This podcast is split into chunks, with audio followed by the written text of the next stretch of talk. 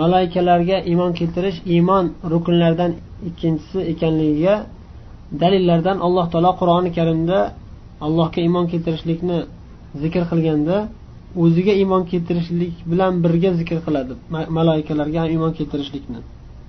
Masalan baqara surasining oxirgi oyatidan oldingisida alloh taolo aytadiki amanar rasulu bima unzila ilayhi min robbihi val mu'minun.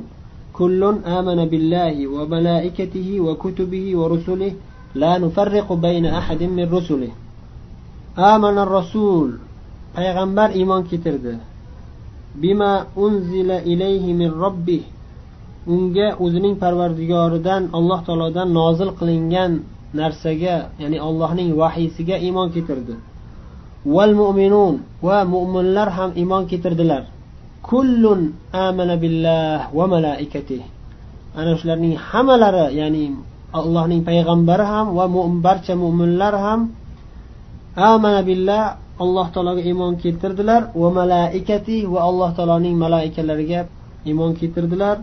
Va kutubi va alloh taoloning kitoblariga iymon keltirdilar. Va rusuli va alloh taoloning payg'ambarlariga elchilariga iymon keltirdilar. La nufarriqu bayna ahadin min rusulih va yana aytdilarki mo'minlar allohning rasuli va mo'minlar aytadilarki allohning elchilaridan birontalarini ajratib chiqarib qo'ymaymiz. Hammalariga iymon keltiramiz. Buning muqobilida alloh taologa iymon keltiruvchilarni alloh taolo maqtagandan keyin buning muqobilida alloh taologa va uning farishtalariga kofir bo'lganlarni alloh taolo qoralab aytadiki niso surasining bir yuz o'ttiz oltinchi oyatida ومن يكفر بالله وملائكته وكتبه ورسله واليوم الآخر فقد ضل ضلالا بعيدا kimki alloh taologa va u zotning malaikalariga va allohning kitoblariga va allohning payg'ambarlariga va oxirat kuniga kofir bo'lsa darhaqiqat u kimsa juda ham uzoq adashishlikda adashibdi deb olloh xabar berdi Alloh taolo yana baqara surasining bir yuz yetmish yettinchi oyatida aytadiki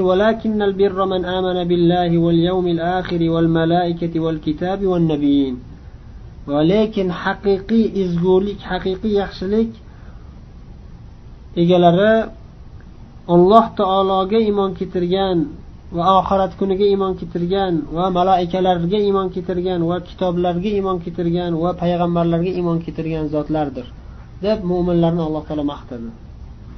Hadisi shariflarda ham juda ko'p o'rinlarda rasululloh sollallohu alayhi vasallam iymon rukunlarini bayon qilganlar. Jumladan mashhur hadis hadisu jibril jibril hadisi deb tanilgan mashhur hadis imom muslim rivoyat qilgan hadisda bilasizlar jabroil alayhissalom inson suratida rasululloh sollallohu alayhi vasallam oldilariga kelib boshqalarga ta'lim bo'lsin uchun bir necha savollarni berib islom iymon ehson va qiyomat qiyomat alomatlari haqida payg'ambarimiz sollallohu alayhi vasallam bilan suhbatlashadilar. U hadisda juda ham ko'pdan ko'p foydalar hikmatlar bor. Alohida kitoblar ham yozishgan ulamolar. U hadisdan zikr qilib o'tmoqchi bo'lgan nuqtamiz jabroil alayhissalom payg'ambarimiz sollallohu alayhi vasallamga iymon nima deb savol berganlarida payg'ambarimiz sollallohu alayhi vasallam javob berdilarki أن تؤمن بالله وملائكته وكتبه ورسله واليوم الآخر وتؤمن بالقدر خيره وشره deb iymon rukunlarini zikr qildilar iymonning oltita rukunini zikr qildilar alloh taologa iymon keltirishliging allohning malaikalariga iymon keltirishliging alloh taoloning nozil qilgan kitoblariga iymon keltirishliging alloh taolo yuborgan elchilarga payg'ambarlarga iymon keltirishliging oxirat kuniga iymon keltirishliging va qadar taqdirda yozilgan narsalar yaxshisi ham yomoni ham ollohdan olloh o'zi taqdirda yozib qo'ygan narsalar albatta bo'ladi deb iymon keltirishliging qadarga iymon keltirishliging deb iymonni bayon qildilar rasululloh sollallohu alayhi vasallam. Yana alloh taolo qur'oni karimning boshqa oyatlarida maloikalarni juda ko'p maqtab ko'p oyatlarni nozil qilgan. Jumladan alloh taolo ambiyo surasining yigirmanchi oyatida aytadiki kechayu kunduz alloh taologa tasbeh aytib turadilar. La yafturun hech qachon ular e, susaymaydilar to'xtamaydilar alloh taologa zikr aytishdan. Arof surasini ikki yuz oltinchi oyatda ham alloh taolo aytadiki la yastakbiruna an ibadatihi va yusabbihunahu va lahu yasjudun. Alloh taologa ibodat qilishdan ular takabbur qilishmaydi kibrlanishmaydilar va doimo alloh taoloni tasbeh aytib poklab ulug'lab turishadi va u zotga sajda qilib turishadi deb alloh taolo xabar berdi. Rasululloh sollallohu alayhi vasallam ham juda ko'p hadislarda malaikalar haqida xabar berganlar jumladan malaikalar juda ham ko'pligini bayon qiluvchi hadislardan biri. Rasululloh sollallohu alayhi vasallam aytdilarki huqqalaha ma fiha mawdi'u shibrin illa fiha malakun aw sajidun aw osmon qisirlab ketdi qisir qisir qilib ketdi qisir qisir qilib ketishiga ham arziydi.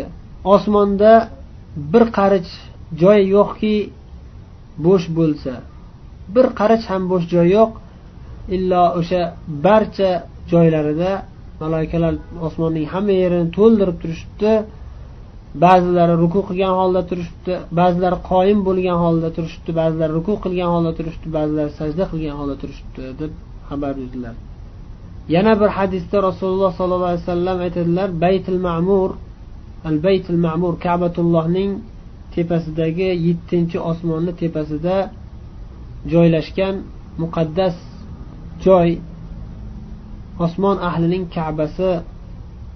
Ana shu baytil ma'murni har kuni yetmish ming farishta tavof qiladi dedilar va ana shu tavof qilgan farishtalarga qaytib navbat kelmaydi qiyomatgacha dedilar. Har kuni yangi hech ham ziyorat qilolmagan malaikalar ziyorat qilib turishadi baytil ma'murni. Yetmish mingta farishta.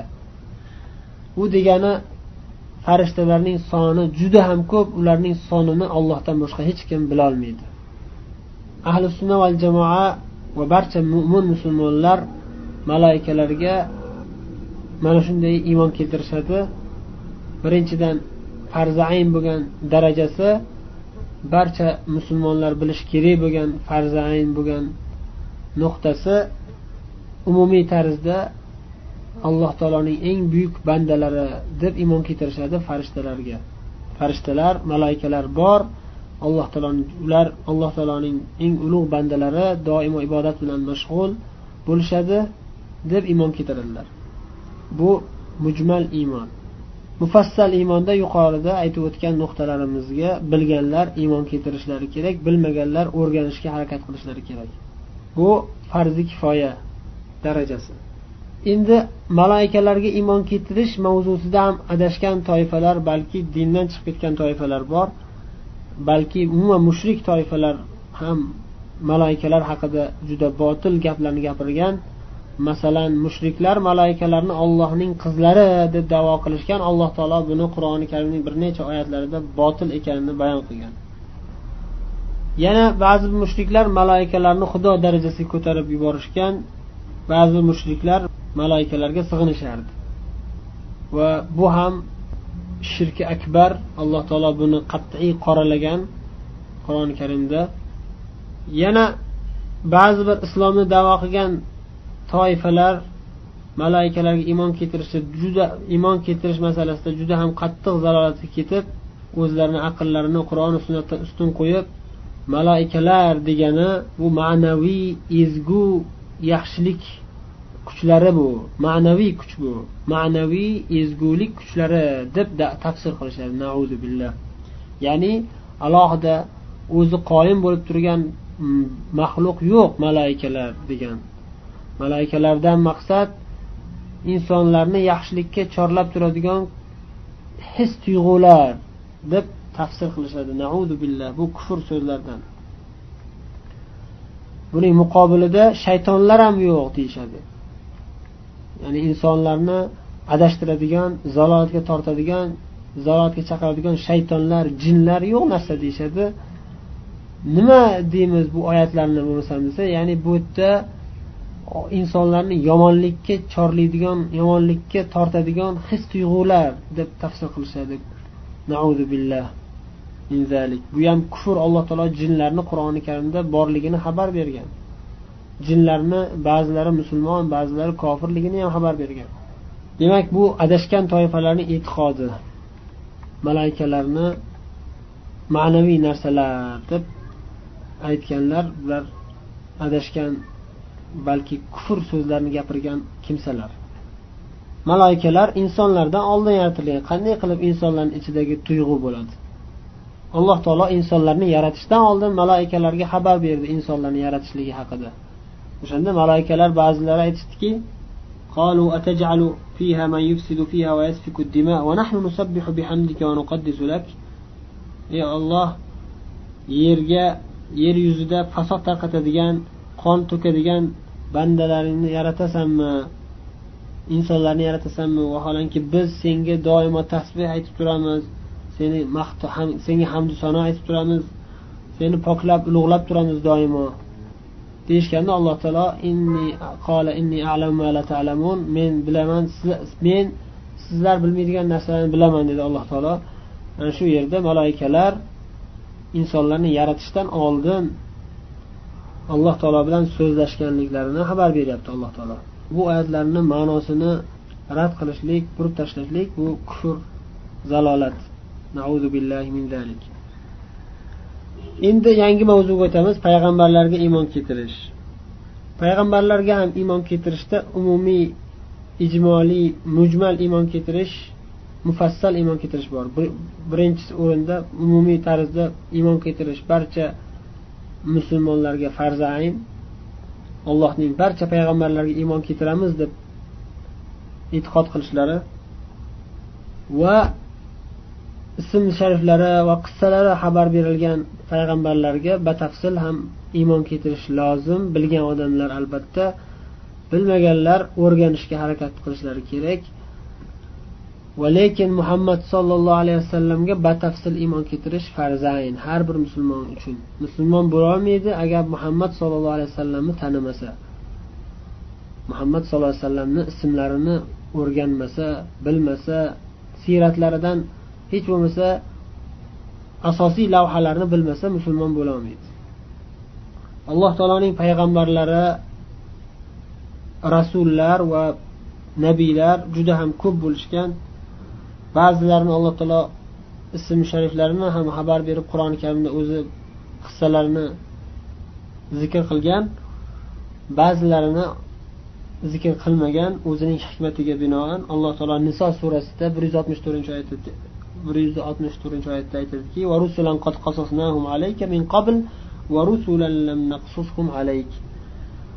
shunday payg'ambarlar borki elchilar borki darhaqiqat biz ularning qissalarini sizga qissa qilib berdik.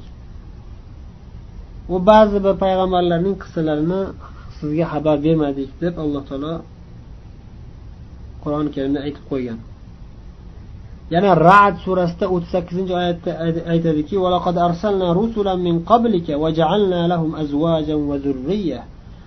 va darhaqiqat sizdan oldin ham elchilar yuborganmiz va ularga ayollarini va zurriyotlarini berganmiz deb xabar berdi ya'ni payg'ambarlar uylanishgan ayollari bo'lgan zurriyotlari bo'lgan.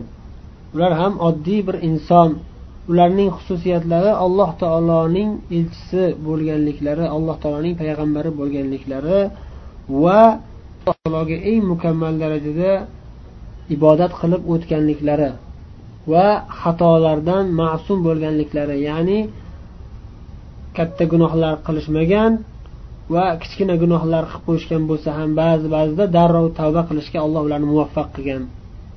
O'sha zahotiyoq muhammad sollallohu alayhi vasallamga iymon keltirish mavzusida biz avvalgi darslarimizda batafsil suhbatlashganmiz va ana shu yerda payg'ambarlarga iymon keltirish haqida ham e, bir necha nuqtalarni zikr qilib o'tganmiz. Endi keyingi nuqtaga o'tamiz. Iymon rukunlaridan yana biri alloh taoloning kitoblariga iymon keltirish. Alloh taolo nozil qilgan kitoblarga iymon keltirish. Bu haqida imom tahoviy aytdilarki mursalin. Payg'ambarlarga elchilarga nozil qilingan kitoblarga ham iymon keltiramiz deb aytdilar. Iymonning bu rukniga ham umumiy tarzda iymon keltirish bor mufassal tarzda iymon keltirish bor. Umumiy tarzda iymon keltirganda har bir har bir musulmon odam iymon keltirish farz bo'lgan nuqta alloh taolo o'zining elchilariga o'zi tomonidan kitoblar nozil qilgan ya'ni e'tiqod va shariat ahkomlarini bayon qilib vahiy qilgan. Ana shularning barchasiga biz iymon keltiramiz deb aytiladi. Umumiy suratda iymon keltirilganda alloh taoloning barcha kitoblariga iymon keltiramiz deb aytiladi. Va u kitoblarni alloh taolo o'zining buyuk payg'ambarlariga buyuk elchilariga nozil qilgan deb iymon keltiramiz. Endi mufassal tarzda iymon keltirganda alloh taolo o'zi xabar bergan ba'zi bir kitoblarning nomlari bilan iymon keltiramiz. Masalan tavrot muso alayhissalomga nozil qilingan deb iymon keltiramiz. Injil iso alayhissalomga nozil qilingan kitob deb iymon keltiramiz. Zabur dovud alayhissalomga nozil qilingan kitob deb iymon keltiramiz. Va suhufi ibrohim va musa ibrohim alayhissalomga bir necha sahifalar nozil qilgan. Va muso alayhissalomga yana bir necha sahifalar tavrotdan boshqa yana bir necha sahifalar nozil qilgan deb iymon keltiramiz. Ana shu kitoblarning hammasi ollohning kalomi deb iymon keltiramiz. Allohning kalomi deb iymon keltiramiz. Ularning ba'zilari ba'zilaridan ulug'roq. Masalan eng ulug'i qur'oni karim muhammad sallallohu alayhi vasallamga nozil qilingan kitob bunga iymon keltirish farzayn har bir musulmon odam uchun qur'oni karimga qur'oni karim allohning kalomi deb iymon keltirishi shart farz va qur'oni karimdan fotiha surasini o'qish ham farz yodlash farz. Har bir musulmon ham fotiha surasini yod olish kerak chunki namozni namoz bo'lmaydi agar fotiha surasini o'qimasa.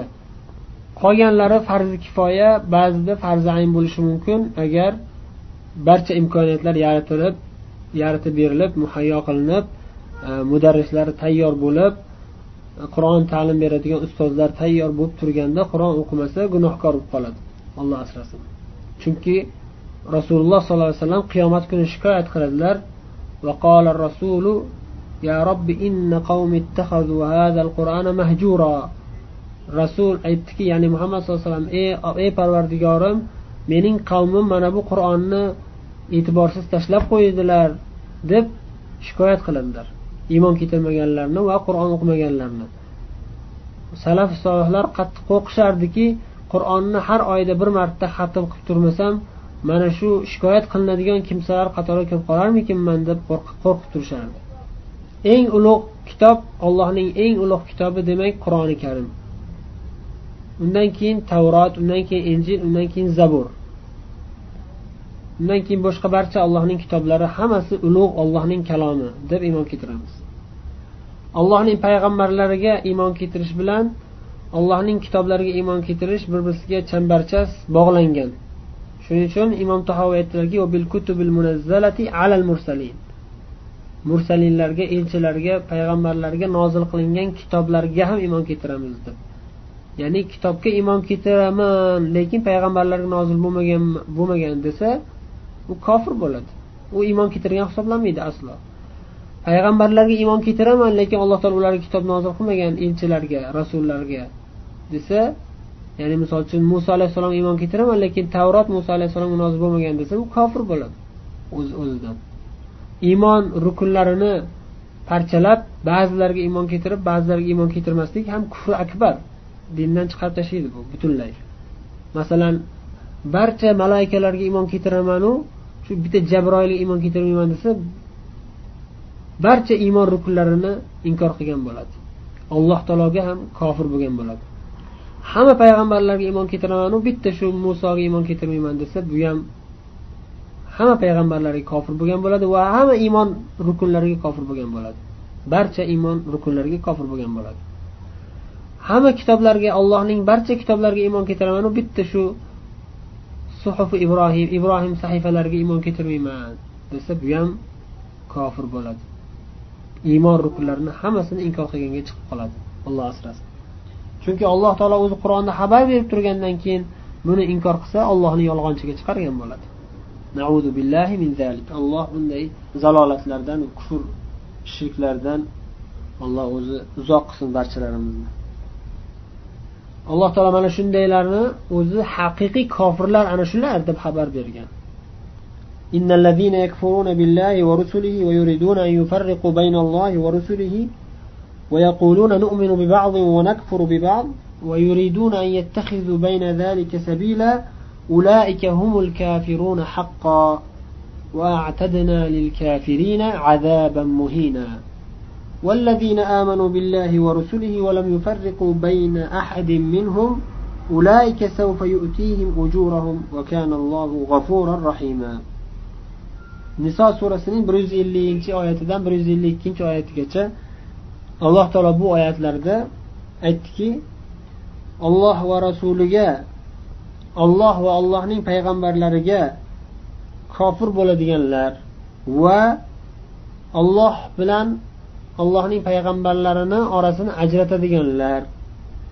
Va ba'zilariga iymon keltiramizu ba'zilariga kofirmiz deydiganlar.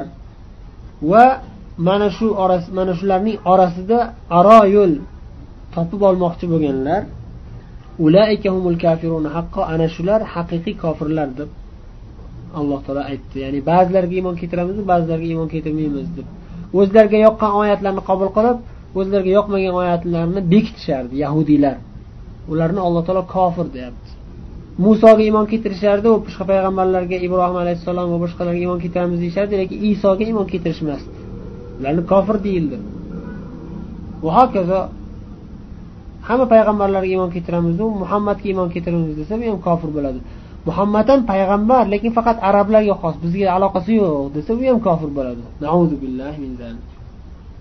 Ushbu mavzuning oxirida yana bir bor imom tahoviy iymon nuqtalaridan birini ta'kidlab aytadilarki